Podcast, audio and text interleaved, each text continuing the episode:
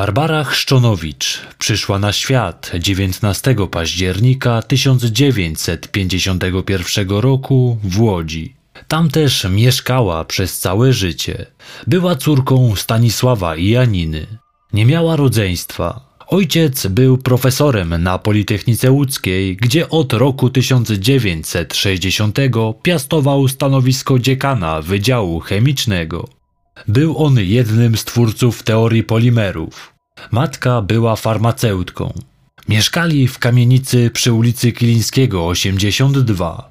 Jeszcze jako nastolatka Basia została sierotą. W roku 1967, gdy miała zaledwie 16 lat, w ciągu kilku miesięcy zmarli jej rodzice. Najbliższą rodziną nastolatki była jej ciotka, która mieszkała w tej samej kamienicy co ona. To pod jej opieką się znalazła aż do ukończenia pełnoletności, choć jeszcze jako szesnastolatka starała się być samodzielna. Barbara była niewysoką kobietą. Miała 158 cm wzrostu. Była przebojowa i dobrze się uczyła. Była też krótkowidzem. Z tego powodu nosiła okulary. Była osobą inteligentną i dążyła do celu.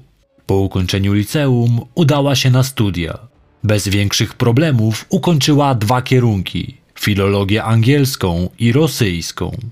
Podjęła pracę jako dziennikarka w łódzkim ośrodku telewizyjnym. W tamtych czasach była ona dość znana w Łodzi. Nierzadko pojawiała się w głównym wydaniu dziennika telewizyjnego. Zarabiała też udzielając korepetycji z języka angielskiego. Została też miejską radną. Przez wiele lat nie miała stałego partnera. Spotykała się z mężczyznami, ale z żadnym z nich nie związała się na dłużej. Po wybuchu stanu wojennego zgłosiła się do Solidarności, czym okazywała sprzeciw komunistycznej władzy.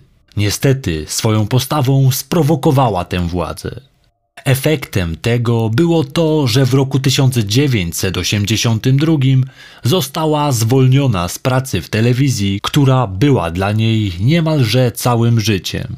Po wybuchu stanu wojennego przeprowadzono weryfikację, którą Barbara przeszła negatywnie. Jej postawa nie odpowiadała rządzącym i w ten sposób została ukarana. W owym czasie Barbara nie utrzymywała kontaktów z rodziną. Jej rodzice od kilkunastu lat nie żyli, a ona nie miała stałego partnera. Przeżyła załamanie psychiczne, z którego ciężko było się jej podnieść. Zatrudniona została w estradzie łódzkiej na Politechnice Łódzkiej. Jednak nie zagrzała tam długo miejsca. W końcu jej jedynym źródłem utrzymania stały się korepetycje języka angielskiego. Uczyła też języka dzieci w przedszkolu. 30 listopada 1985 roku Barbara na przyjęciu Andrzejkowym u znajomych poznała Marka S. To niewysoki mężczyzna o drobnej posturze. Z wykształcenia był chemikiem. Zakochali się w sobie. Musiało to być silne uczucie, ponieważ półtora miesiąca później, a dokładniej 11 stycznia, wzięli ślub. Mężczyzna wprowadził się do jej mieszkania przy ulicy Kilińskiego. Wkrótce wyjechał do pracy w Anglii. Gdy wrócił do Polski, zaczęły się ujawniać różnice między nimi, których wcześniej zdawali się nie zauważać. Barbara posiadała dwa psy, którym poświęcała dużo uwagi. Traktowała je jak członków rodziny. Kilka razy dziennie wychodziła z nimi na spacer do pobliskiego parku Sienkiewicza. Marek miał zgoła inne podejście do zwierząt. Twierdził, że kobieta nazbyt wiele im pozwalała i dochodziło między nimi do kłótni o tę kwestię. Sam Marek zauważył u żony symptomy depresji. Twierdził, że zdarzało się jej nadużywać alkoholu. Marek nie dał się poznać sąsiadom. Przechodził koło nich, jakby chcąc pozostać niezauważonym. Niektórzy uważali go za dziwaka, być może ta jego tajemniczość dała pole do powstania plotek na jego temat. Mówiono o nim, że miał nieciekawą przeszłość. Do tej kwestii wrócę jeszcze później. 15 grudnia 1986 roku Barbara zaginęła. Wyszła z domu i do niego nie wróciła. O dziwo, przeszło to zupełnie bez echa. Mąż nie zgłosił zaginięcia żony, a z racji, że nie miała żadnej rodziny prócz ciotki, przez pewien czas nie zwrócono uwagi na to, że zniknęła bez śladu. Co prawda, sąsiedzi zwrócili uwagę, że od jakiegoś czasu nie wychodziła z psami na spacer, ale nikt nie interesował się tym na tyle, by zgłosić sprawę na policję. Nietypowe było też to, że bez żadnego słowa po prostu przestała przychodzić do swoich uczniów, którym udzielała korepetycji. Zaniepokojony tym faktem był Adam Antczak, milicjant mieszkający w tej samej kamienicy. Barbara uczyła jego syna angielskiego. Pewnego dnia po prostu się nie pojawiła. Zapukał do drzwi jej mieszkania, a otworzył mu jej mąż. Powiedział, że żona wyjechała do koleżanki do Warszawy i nie wie, kiedy wróci. Zdziwił się, ponieważ słyszał, że w domu były jej ukochane psy. Barbara się z nimi właściwie nie rozstawała.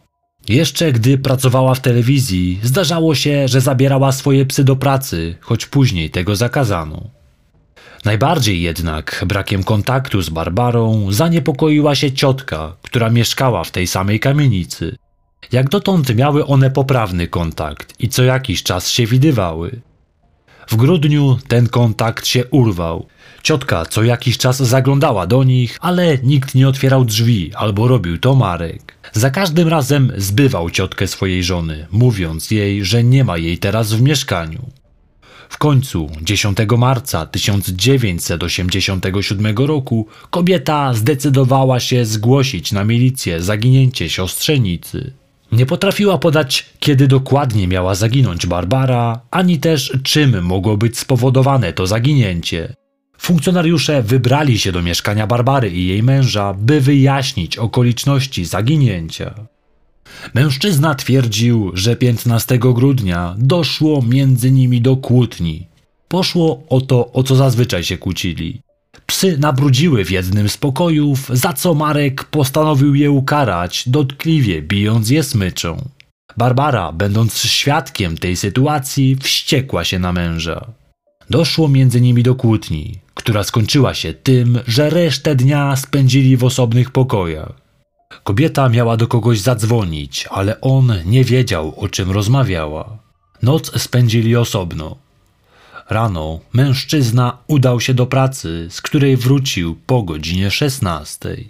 W tym czasie Barbara, trzymając w ręku zapakowaną podręczną torbę, wyszła z domu.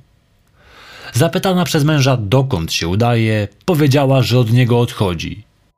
Co dziwne w tej sytuacji, nie zabrała ze sobą psów, które tak bardzo kochała.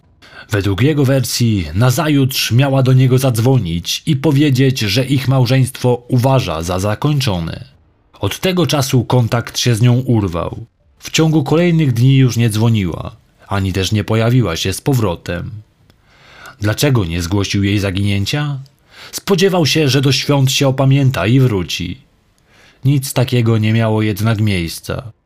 Marek podejrzewał jednak, że drugiego dnia świąt Bożego Narodzenia musiała na chwilę pojawić się w domu. Gdy z niego wychodził, był przekonany, że zamknął drzwi na jeden zamek. Kiedy wrócił do domu, drzwi były zamknięte na dwa zamki. Tylko on i Barbara mieli klucze, zatem to ona musiała zamknąć drzwi co potwierdzało, że była przez jakiś czas w mieszkaniu.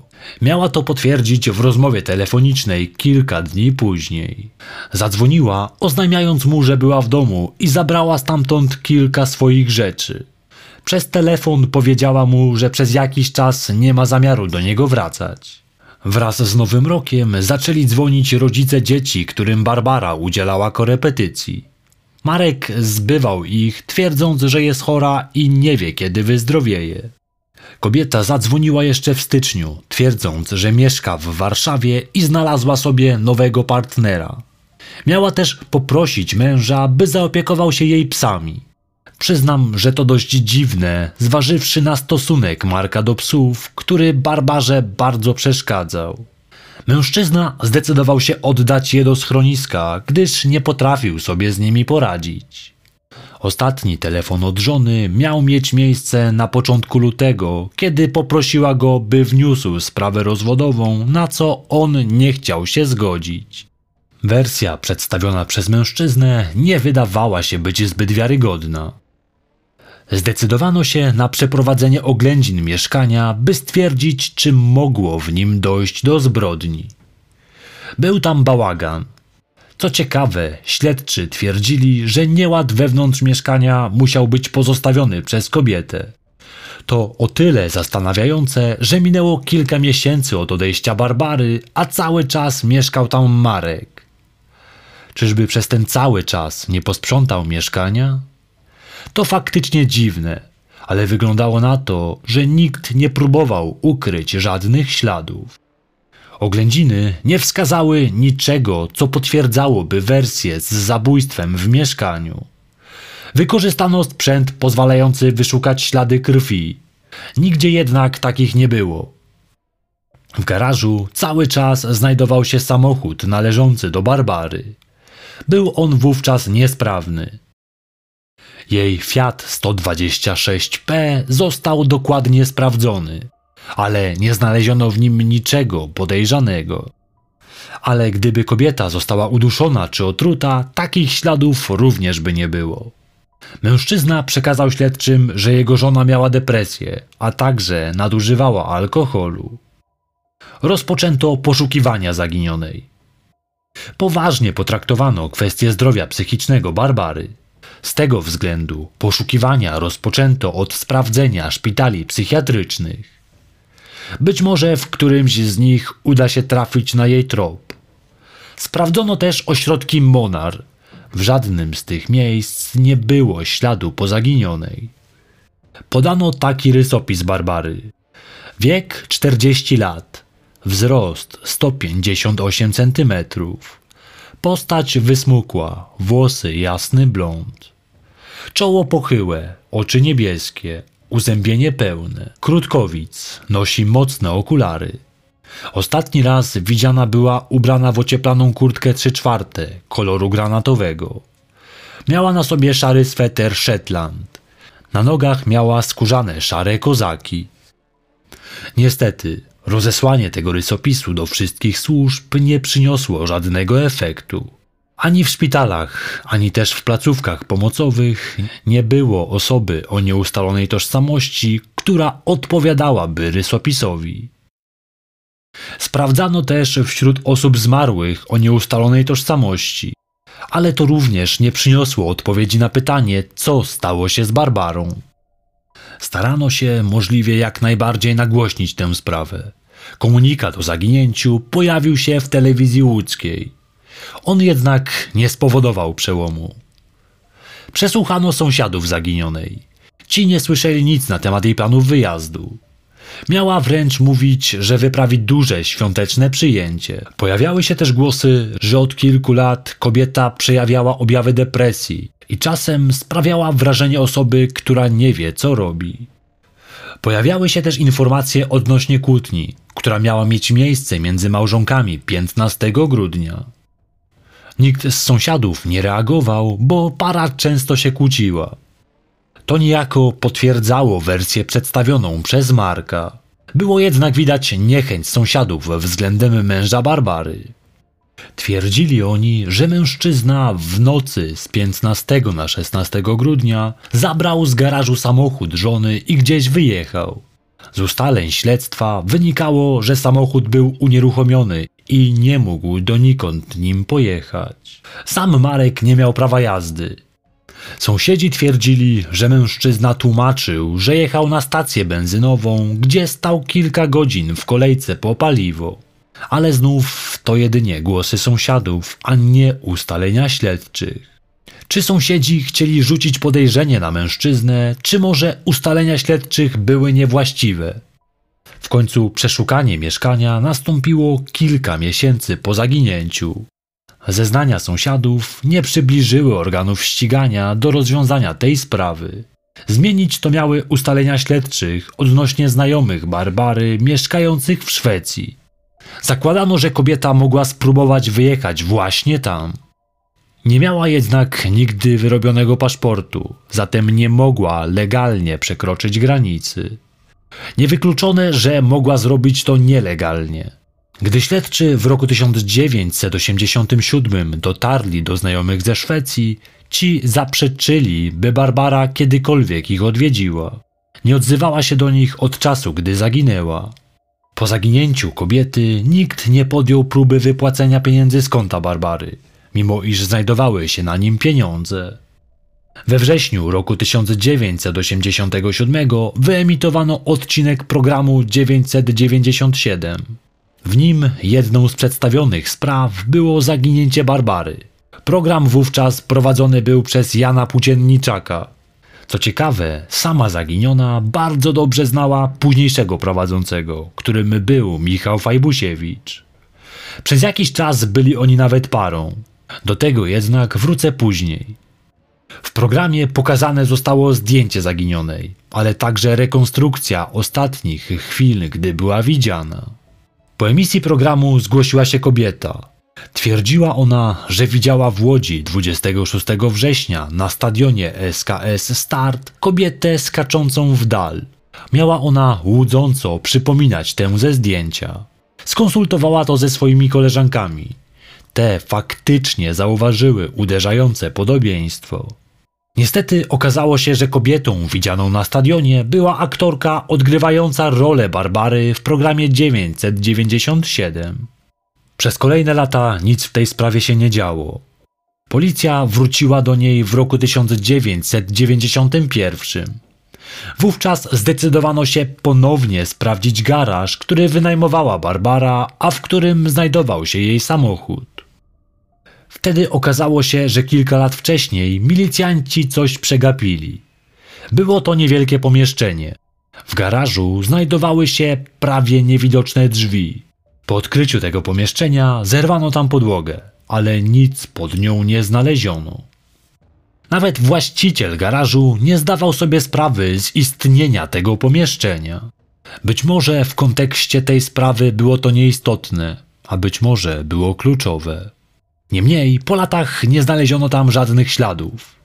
Być może byłoby inaczej, gdyby znaleziono pomieszczenie w roku 1987.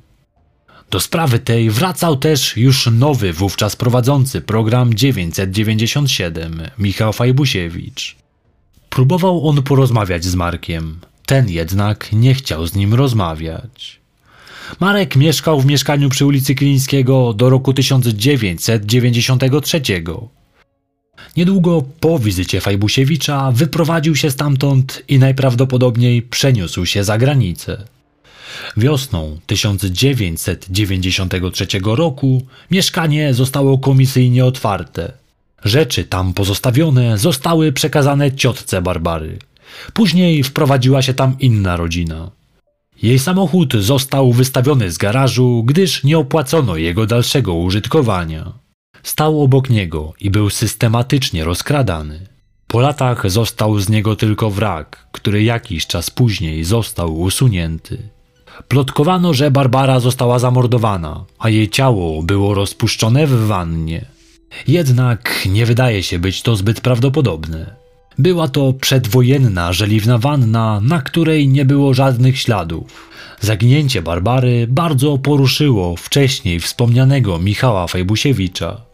Poznał on ją jeszcze za czasów liceum. Zapamiętał ją jako osobę energiczną, nawet nieco zwariowaną. Już wiele lat po jej zaginięciu wrócił do tej sprawy w programie Akta Fajbusiewicza. Spotkał się z Adamem Antczakiem, który mieszkał w tej samej kamienicy co Barbara. Jest on jednocześnie współautorem książki Pitawar Łódzki. Kolejnym gościem w programie był Jarosław Warzecha, drugi z autorów książki. To między innymi w tej książce znalazłem informacje na temat tej sprawy. Jarosław Warzecha wspominał o czymś, o czym próżno szukać informacji w innych źródłach. Mianowicie Marek, mąż Barbary, miał w przeszłości odsiadywać wyrok za zabójstwo w afekcie, o czym jego żona prawdopodobnie miała nie wiedzieć. Odsiedział on tylko połowę z zasądzonego wyroku. Warzecha, trochę teoretyzując, zastanawia się, czy Marek, wychodząc wcześniej z więzienia, nie poszedł na układ ze służbą bezpieczeństwa. Barbara swoją działalnością w Solidarności nie zaskarbiła sobie sympatii w pewnych kręgach. Warzecha nie wyklucza, że to służby bezpieczeństwa mogły zlecić pozbycie się Barbary Chrzczonowicz. W świetle tej teorii Marek od początku był podstawionym człowiekiem, który miał się tym zająć. Wówczas śledztwo mogło być prowadzone w taki sposób, by nie odkryć prawdy. Dziś Marek S. prawdopodobnie już nie żyje. Prawdopodobnie w latach 90. wyjechał do Stanów Zjednoczonych, a potem do Meksyku, gdzie miał zginąć. Dziś od zaginięcia Barbary Chrzczonowicz mija już 37 lat. Czy ktokolwiek wierzy, że sama uciekła i nigdy nie dała znaku życia? Jak było naprawdę, najpewniej nigdy się nie dowiemy, ale zawsze trzeba mieć nadzieję.